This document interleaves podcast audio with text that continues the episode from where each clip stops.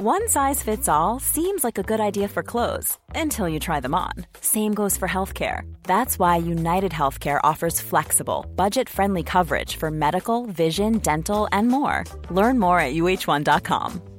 Many of us have those stubborn pounds that seem impossible to lose, no matter how good we eat or how hard we work out. My solution is PlushCare. PlushCare is a leading telehealth provider with doctors who are there for you day and night to partner with you in your weight loss journey. They can prescribe FDA-approved weight loss medications like Wagovi and Zepbound for those who qualify.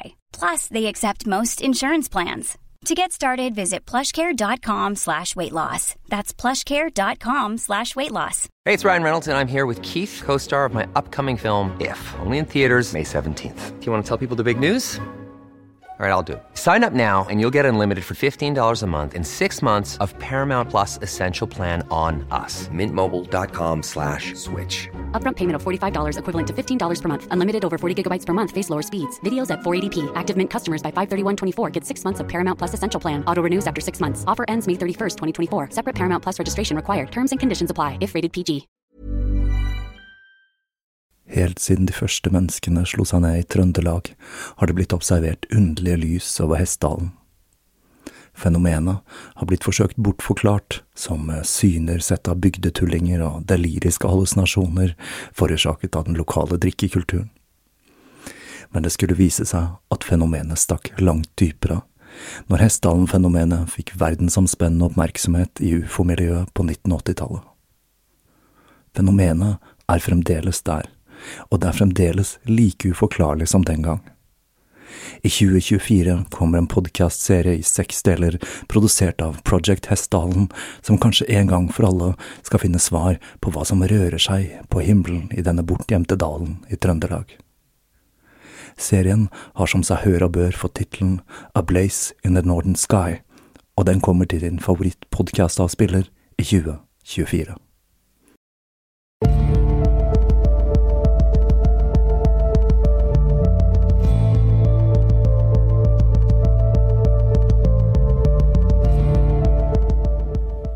Hei og velkommen til Tåkeprat. Jeg heter Even, og når jeg tar opp denne episode 177, så er det tidlig en onsdag morgen den 8. desember.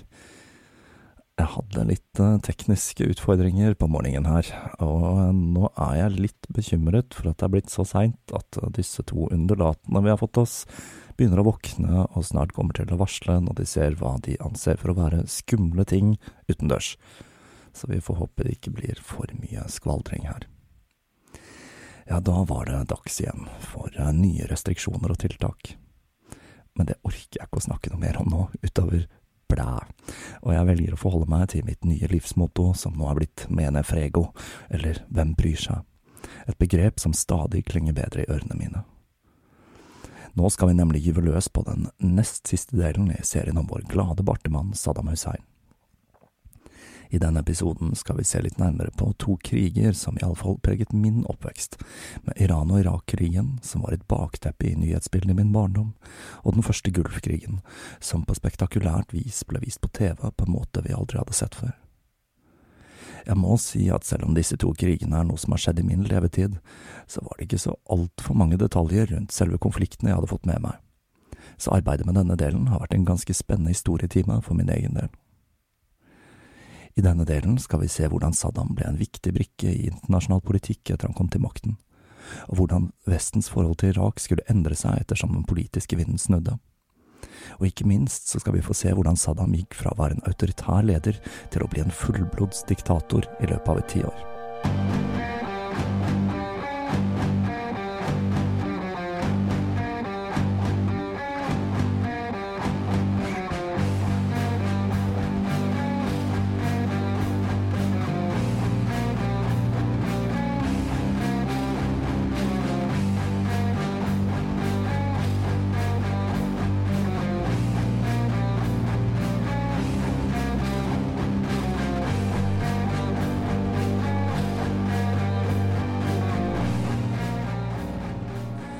Den 16. juli 1979 gikk Bakra som president, og Saddam trådte inn i rollen som landets øverste leder.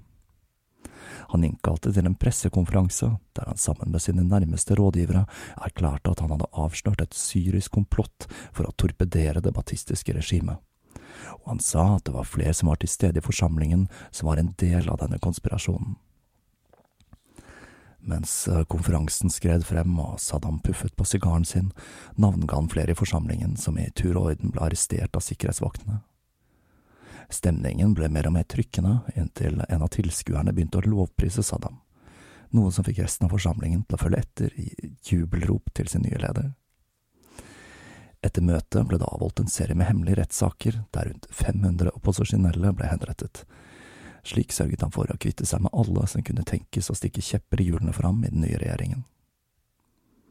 I den første offentlige talen han holdt, sa han at han ikke ville blande seg direkte inn i politikk men han gjorde også klart at personlig lojalitet mot ham var essensielt dersom han ønsket å være involvert i irakisk politikk.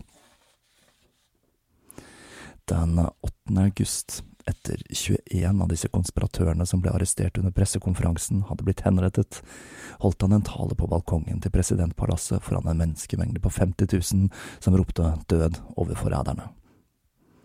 Og der utnevnte han nære familiemedlemmer i stillingene til disse såkalte konspiratørene. Det var en del som reagerte på at han hadde gått så hardt til verks mot medlemmer av Baath-partiet. Men han forsøkte å mildne inntrykk av seg selv som regent ved å eksponere et lykkelig familieliv. Saddam og Sajja hadde nå fått fem barn, to sønner og tre døtre, som ble oppdratt i overdådig luksus. Men han fortalte folket at han forsøkte å lære barna at velstanden ikke betød at de var bedre enn folk flest. Rikdommen var ikke et privilegium, sa han, men en nødvendighet for barna til presidenten. Det er klart. Saddam begynte også å fremstille seg selv som en farsfigur for alle irakere. Han kom med en rekke råd, og en favoritt, det var personlig hygiene. Så her skal dere få et hygienetips fra Saddam Hussein dere kan ta med dere inn i julen. Det beste er å bade to ganger om dagen, men man må minst, minst bade én gang. Men om menn bare bader én gang, så må kvinnene bade to. Grunnen til det er at kvinnene er mer delikate, og lukten av dem merkes bedre enn den av menn. Jeg vet ikke helt hvordan det rådet sammenfaller med norske strømpriser i 2021, men der har dere iallfall den. Men Saddams Irak besto ikke bare av gode råd om bading og ting som hvordan man kunne pusse tenna med fingeren når man ikke hadde råd til tannbørste. På grunn av oljeinntektene begynte Irak å utvikle en moderne infrastruktur, med veier, nybebyggelse og strøm selv i de mest fjerntliggende landsbyer. Det ble også vesentlig bedre for Iraks kvinner. De fleste gikk i vestlige klær, og de fikk stemmerett og kunne inneha offentlige verv, og de utgjorde mer enn halvparten av studentene ved universitetet i Bagdad. I 1978 undertegnet den egyptiske presidenten Anwar Sedat og den israelske statsministeren Manashem Begin en rammeavtale i Camp David som skulle være begynnelsen på en bilateral fredsavtale mellom de to landene. I desember 1978 besøkte Saddam sin gamle venn Fidel Castro, og de to slapp en pressemelding via irakiske medier der de sa at de tok sterk avstand fra avtalen, og at dette var et plott for å underminere den arabiske verden og for å gi sionistene en mulighet til å frarøve palestinerne sine legitime rettigheter til en egen stat. Saddam tok førersetet i opposisjonen mot Camp David-avtalen, og med det forsøkte han å gjøre Irak til den fremste nasjonen i kampen for palestinske rettigheter. Som et svar på Camp David organiserte han en samling i Bagdad i mars 1979 hvor en rekke arabiske land, deriblant Algerie og Libya, gikk sammen for å gjennomføre en serie med økonomiske og politiske sanksjoner mot Egypt. Egypt ble sparket ut av den arabiske ligaen, og alle egyptiske selskaper som handlet med Israel, ble boikottet. Med det var Egypts rolle som lederen av den arabiske verden i fritt fall, og Saddam så på dette som en kritisk mulighet for å gi Irak den rollen. Men til tross for alt snakket om støtte til Palestina, så forble det mest med snakk, og lite handling utover økonomiske sanksjoner. Det var også et annet land som bekymret Saddam, og det var Iran. Selv om Saddam hadde hatt et anstrengt forhold til Shana av Iran, så var han veldig skeptisk til opposisjonen. Med en stor andel sjiamuslimer i Irak, så var han nemlig lite lysten på at de sjiamuslimske religiøse lederne skulle få mer politisk makt Og for de av dere som lurer på det, så er denne splittelsen mellom sunni- og sjiamuslimer noe som stammer helt tilbake fra begynnelsen på islam, da profeten døde i år 632. Sunniene mente at religionen skulle ledes av de lærde, mens sjiaene ville at religionens overhode skulle være Mohammeds fetter og svigersønn Ali. Dette har selvsagt ført til masse, masse krig, og under religionskrigene mellom sunnier og sjiaer på 600-, 700- og 800-tallet ble tolv av sjiaenes ledere drept.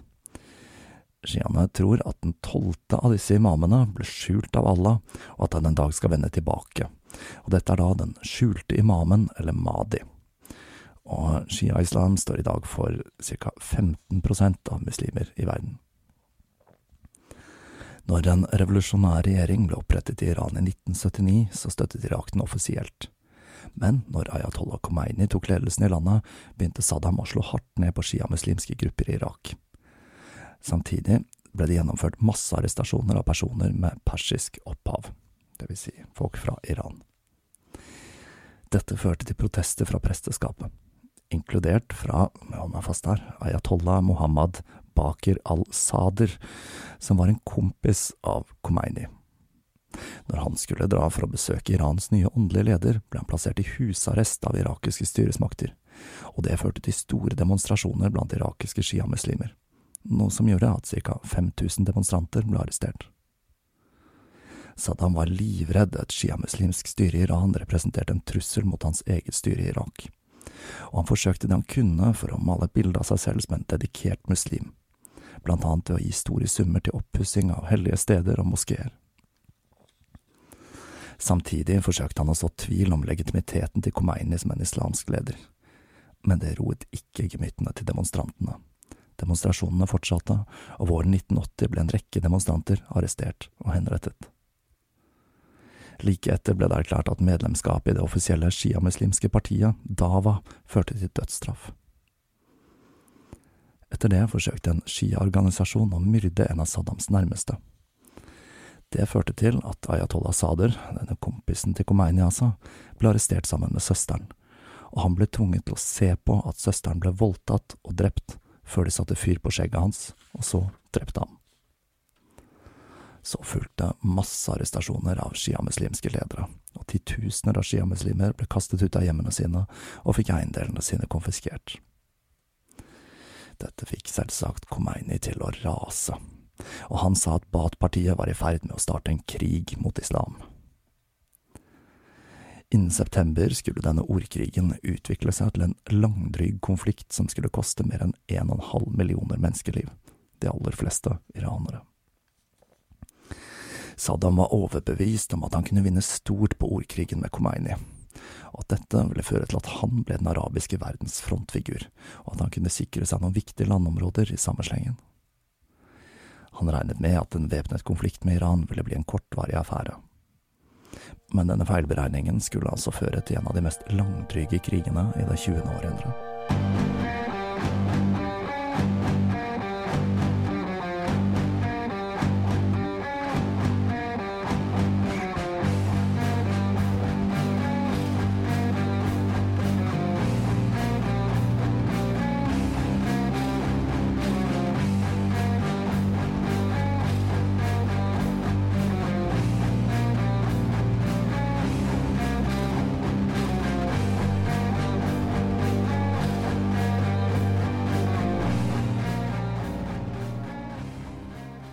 Saddams strategi for å sparke i gang krigen var å hevde at Irans krav på noen små øyer i Hormuz-stredet var i strid med en avtale som var gjort i Algerie i 1975.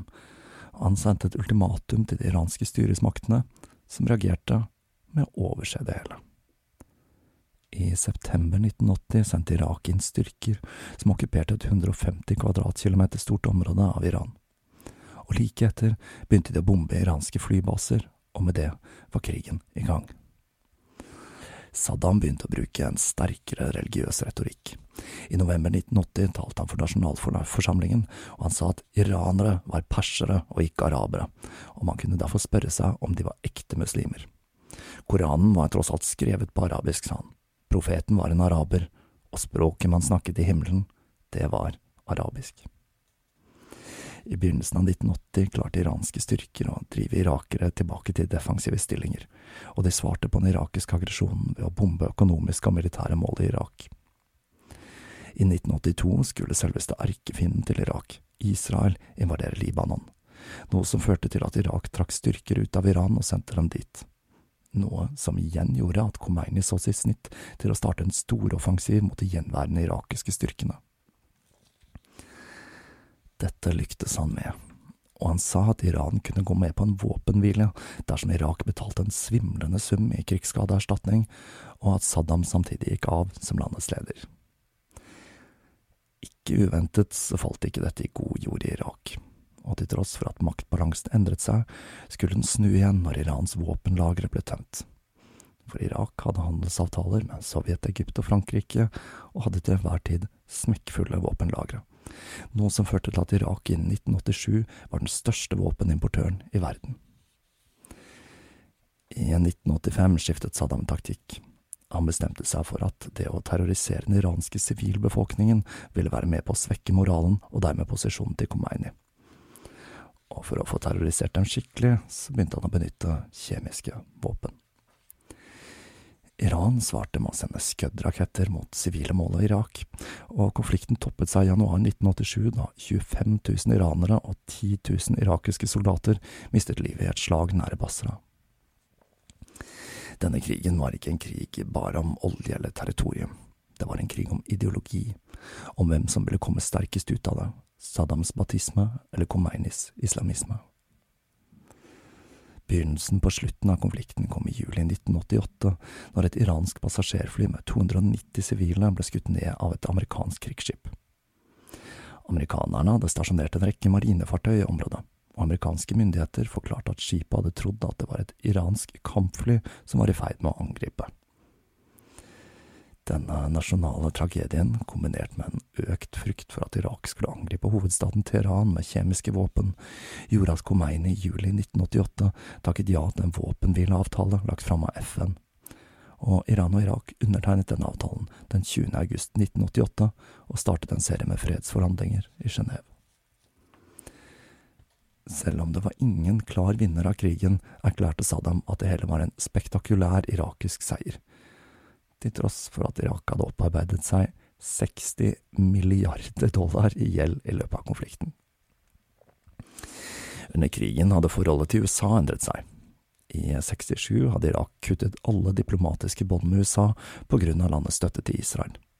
Men i løpet av 80-tallet var det flere stemmer som talte for at USA burde støtte Irak i konflikten. Ikke bare på grunn av oljeressursene, men også på grunn av en frykt for den voksende islamistiske, fundamentalistiske bevegelsen i regionen. Batistene hadde gjort Irak til et langt mer stabilt land, og de hadde bygget landet etter en vestlig modell, noe som sto i sterk kontrast til hva Khomeini hadde gjort i Iran. Og analytikere fra CIA forutså at ledelsen i Irak ville bli mer moderat med tiden. Tidlig i 1982 strøk Reagan-administrasjonen Irak fra listen over land som støttet internasjonal terrorisme. Og den samme høsten fikk det amerikanske handelsdepartementet vite at Irak var interessert Many of us have those stubborn pounds that seem impossible to lose, no matter how good we eat or how hard we work out. My solution is PlushCare. PlushCare is a leading telehealth provider with doctors who are there for you day and night to partner with you in your weight loss journey. They can prescribe FDA-approved weight loss medications like Wagovi and Zepbound for those who qualify. Plus, they accept most insurance plans. To get started, visit plushcare.com slash weight loss. That's plushcare.com slash weight loss. How would you like to look five years younger? In a clinical study, people that had volume added with Juvederm Voluma XC in the cheeks perceived themselves as looking five years younger at six months after treatment. Look younger, feel like you. Add volume for lift and contour in the cheeks with Juvederm Voluma XC. Reverse signs of aging by adding volume to smooth laugh lines with Juvederm Volure XC. For important safety information and to find a licensed specialist, visit juvederm.com. That's J U V E D E R M.com. Not for people with severe allergic reactions, allergies to lidocaine, or the proteins used in Juvederm. Common side effects include injection site redness, swelling, pain, tenderness, firmness, lumps, bumps, bruising, discoloration, or itching. There's a risk of unintentional injection into a blood vessel, which can cause vision abnormalities, blindness, stroke, temporary scabs, or scarring. Talk to a licensed specialist to find out if it's right for you. Til å kjøpe utstyr til å sprøyte avlinger fra fly. Denne typen utstyr kunne jo da også brukes til kjemiske våpen, og på denne tiden var det kommet rapporter om at Irak brukte nettopp denne type våpen i krigen. Vi vet også at Irak skaffet seg produksjonsmidler til å fremstille kjemiske våpen fra firma i Vesten, inkludert fra et amerikansk firma.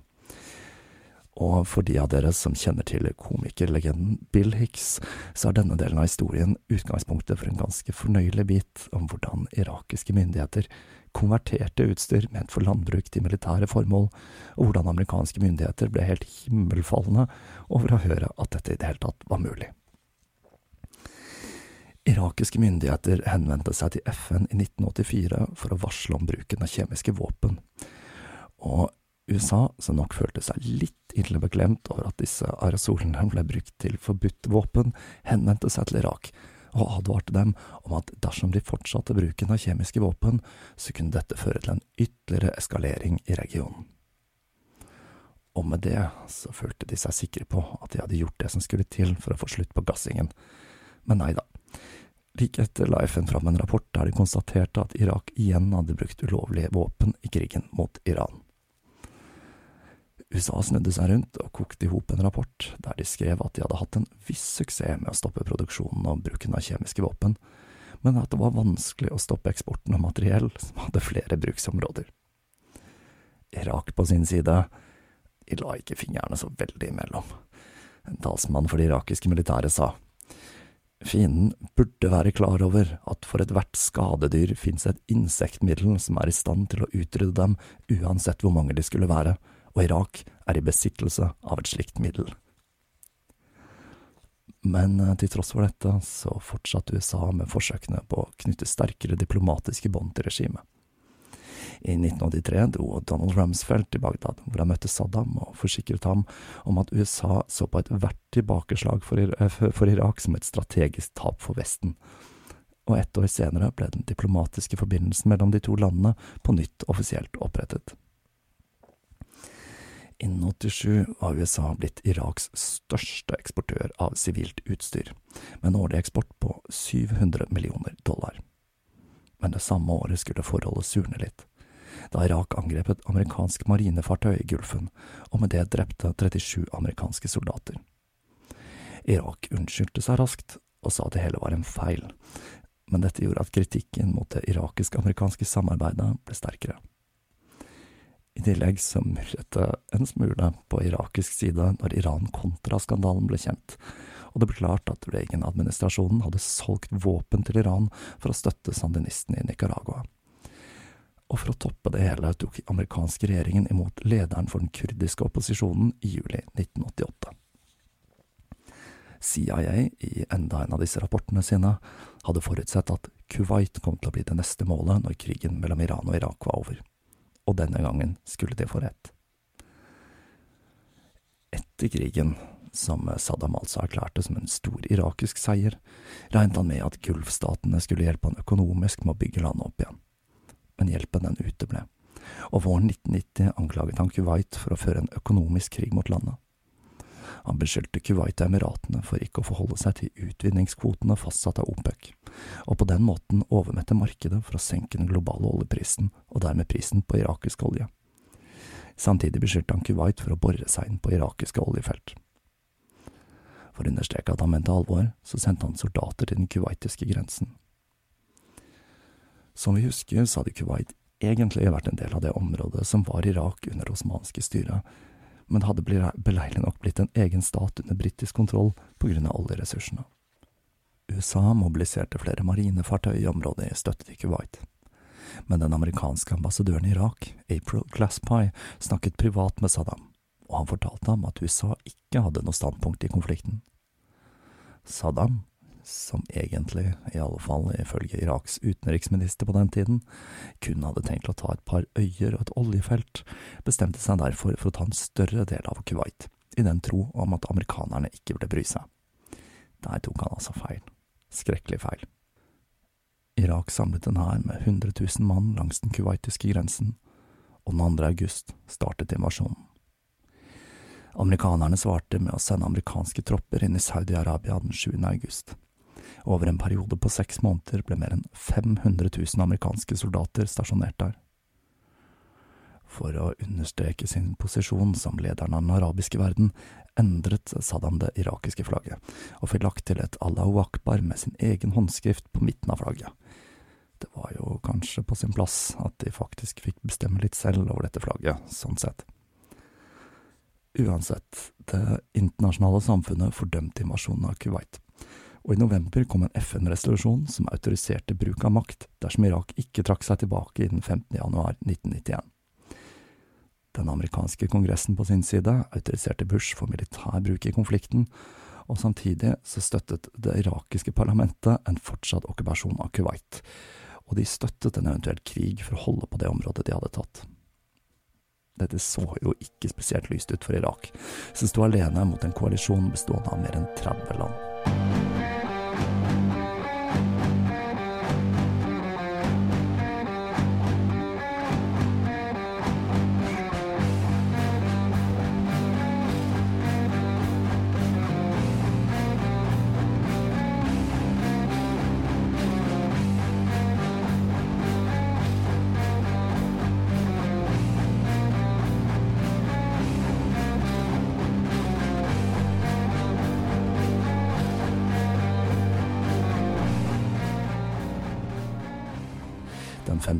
Skrev Bush under på et direktiv der han godkjente et angrep på Irak, og dagen etter begynte Operation Desert Storm, et massivt luftangrep fra de allierte styrkene som besto av hundretusenvis av koalisjonssoldater. I 40 dager fløy de allierte styrkene 110 000 oppdrag og slapp, slapp 85 000 tonn med eksplosiver over Irak. Den 24. februar begynte de bakkeangrepet Operation Desert Saber, som varte i tre dager før Irak til slutt sa seg villig til å undertegne en fredsavtale som var lagt fram av Russland. Den 26. februar begynte irakiske styrker å trekke seg ut fra Kuwait, etter at hæren til Saddam hadde mistet 150 000 mann og 50 000 var blitt tatt til fange. Men den irakiske regjeringen i knestående så nå opposisjonelle sitt snitt til å forsøke å kaste det sittende Baath-styret. Den 15. februar hadde president Bush holdt en tale som hadde kastet enda mer bensin på bålet, når han sa at det var opp til det irakiske militæret og det irakiske folket å kaste diktatoren Saddam Hussein fra makten.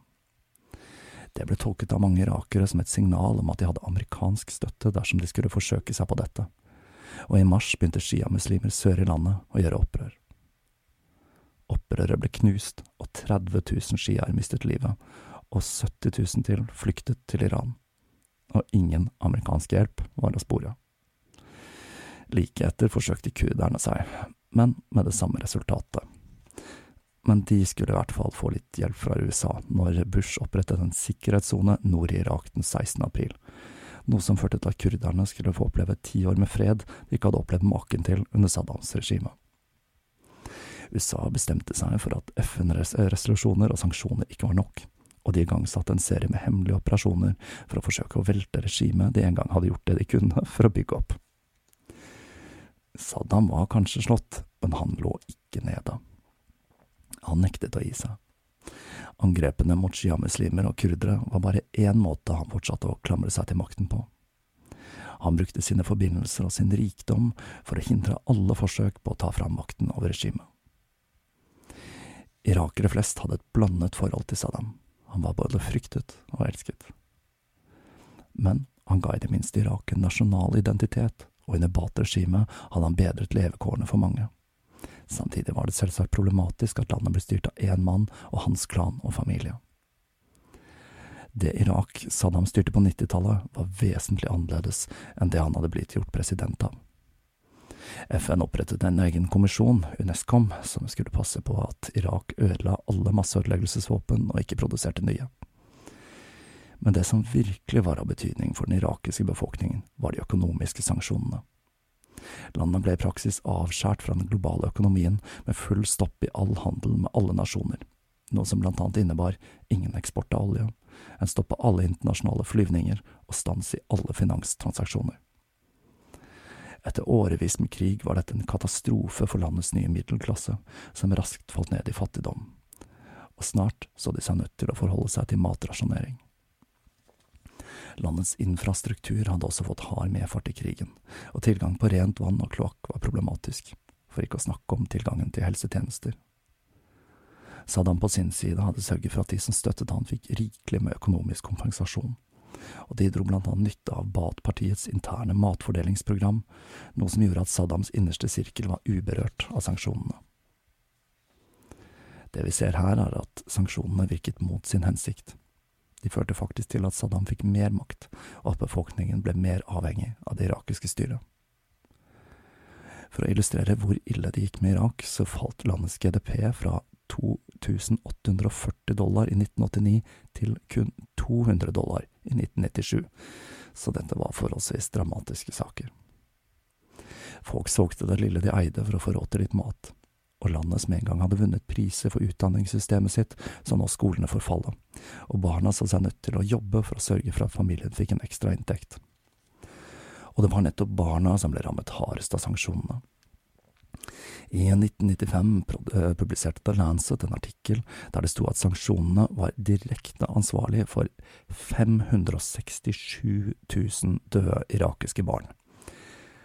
Og her skal vi koste på oss enda et flott sitat, denne gang fra USAs FN-representant, Madeleine Albright, som, når hun ble konfrontert med tallet, sa det er verdt prisen. Senere skulle studier tyde på at tallet på døde barn var litt lavere enn først antatt. Det dreide seg nemlig bare om 350 000 barn, så da var det i alle fall verdt prisen, da. Men selv om det ikke var fullt så mange døde, så slo Unicef fast at det var ca. en million barn i Irak som var underernært i 1997, og som en følge av at helsesystemet var i knestående, så spredte det seg sykdommer som kikhoste og tyfus. I april 1995 igangsatte FNs sikkerhetsråd et olje mot mat-program, slik at den irakiske oljen igjen var tilgjengelig på det globale markedet i 1997. Men dette fikk ikke den ønskede effekten. Dette førte til utstrakt korrupsjon, og Saddams familie, som var en del av et smuglernettverk, ble enda rikere, og Saddams posisjon enda sterkere. Irakere med høy utdannelse flyktet mannen av huset fra landet, og så mye som to millioner med høyere utdannelse fant seg jobb i utlandet. Og så var det kvinnene, da, som jo hadde fått en sterkere posisjon under Baath-regimet. De som en gang hadde vært så stolte av de statlige jobbene, så seg nå nødt til å slutte, da disse ikke lenger betalte nok til å utgjøre en økonomisk forskjell for familiene. Saddam og familien fortsatte derimot å rake inn. Hvor mye, det er usikkert. Men det ble sagt at de skummet i området av ti milliarder dollar av det irakiske oljesalget, og venner og kontakter hjalp dem å hale i land kontrakter i utlandet, og de ble rike i den prosessen. Saddams første sønn, Uday, var lederen for en stor smugleroperasjon som smuglet inn luksusvarer slik som sigarer og alkohol.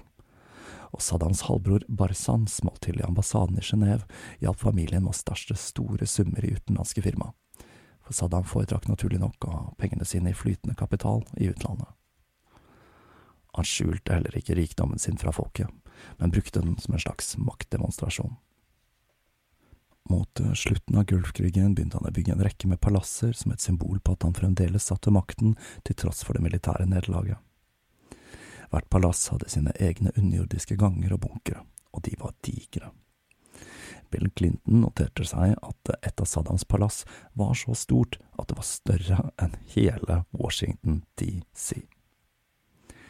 Bygningene kombinerte islamsk og moderne arkitektur, og hadde store parkområder med kunstig innsjøer og fossefall. Interiøret var glorete, med marmor, sjeldne treverk og masse gull.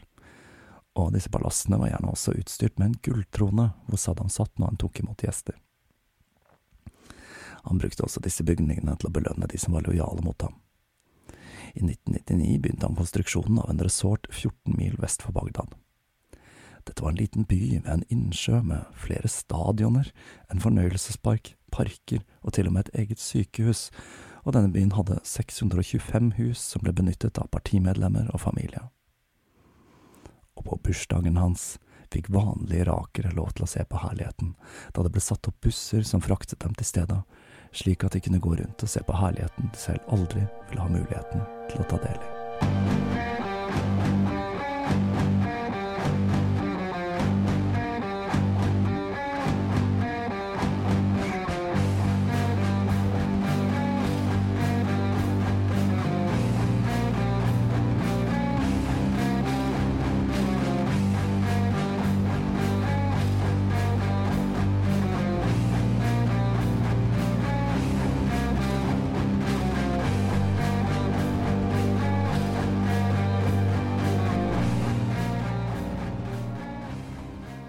avslutter vi denne andre delen i historien om Saddam Hussein. Som dere sikkert ante mot slutten av denne fortellingen, er det i neste og siste del vi virkelig skal få se Saddam ta helt av i rollen som diktator. Som jeg bemerket i forrige episode, så var det noen ting med Baath-regimet som var positive, som utdanning og kvinnefrigjøring. Men som vi har sett, så var dette ting som ble borte etter den ekstreme krigføringen. Alt som var igjen for Saddam, var å forsøke å tviholde på makten med frykt og korrupsjon. For min del så er planen framover å få ut den siste delen i denne serien før jeg gyver løs på årets julepratepisode. Jeg må si at jeg gleder meg litt til å reflektere over året som har vært, for det har vært et år preget av opp- og nedturer og store livsendringer for min del, og jeg sikter meg inn på å få ut denne episoden like før julaften, før jeg setter meg ned i lesekroken for å forberede materialet til resten av vinteren og til våren. Så frem til vi skal se litt nærmere på fine fenomener som Saddam-kunst og Saddam-klokker, så får dere ha en fortsatt bra førjulstid. Snart går det mot lysere tider. Nå skal jeg på jobb. Vi høres igjen om ikke lenge.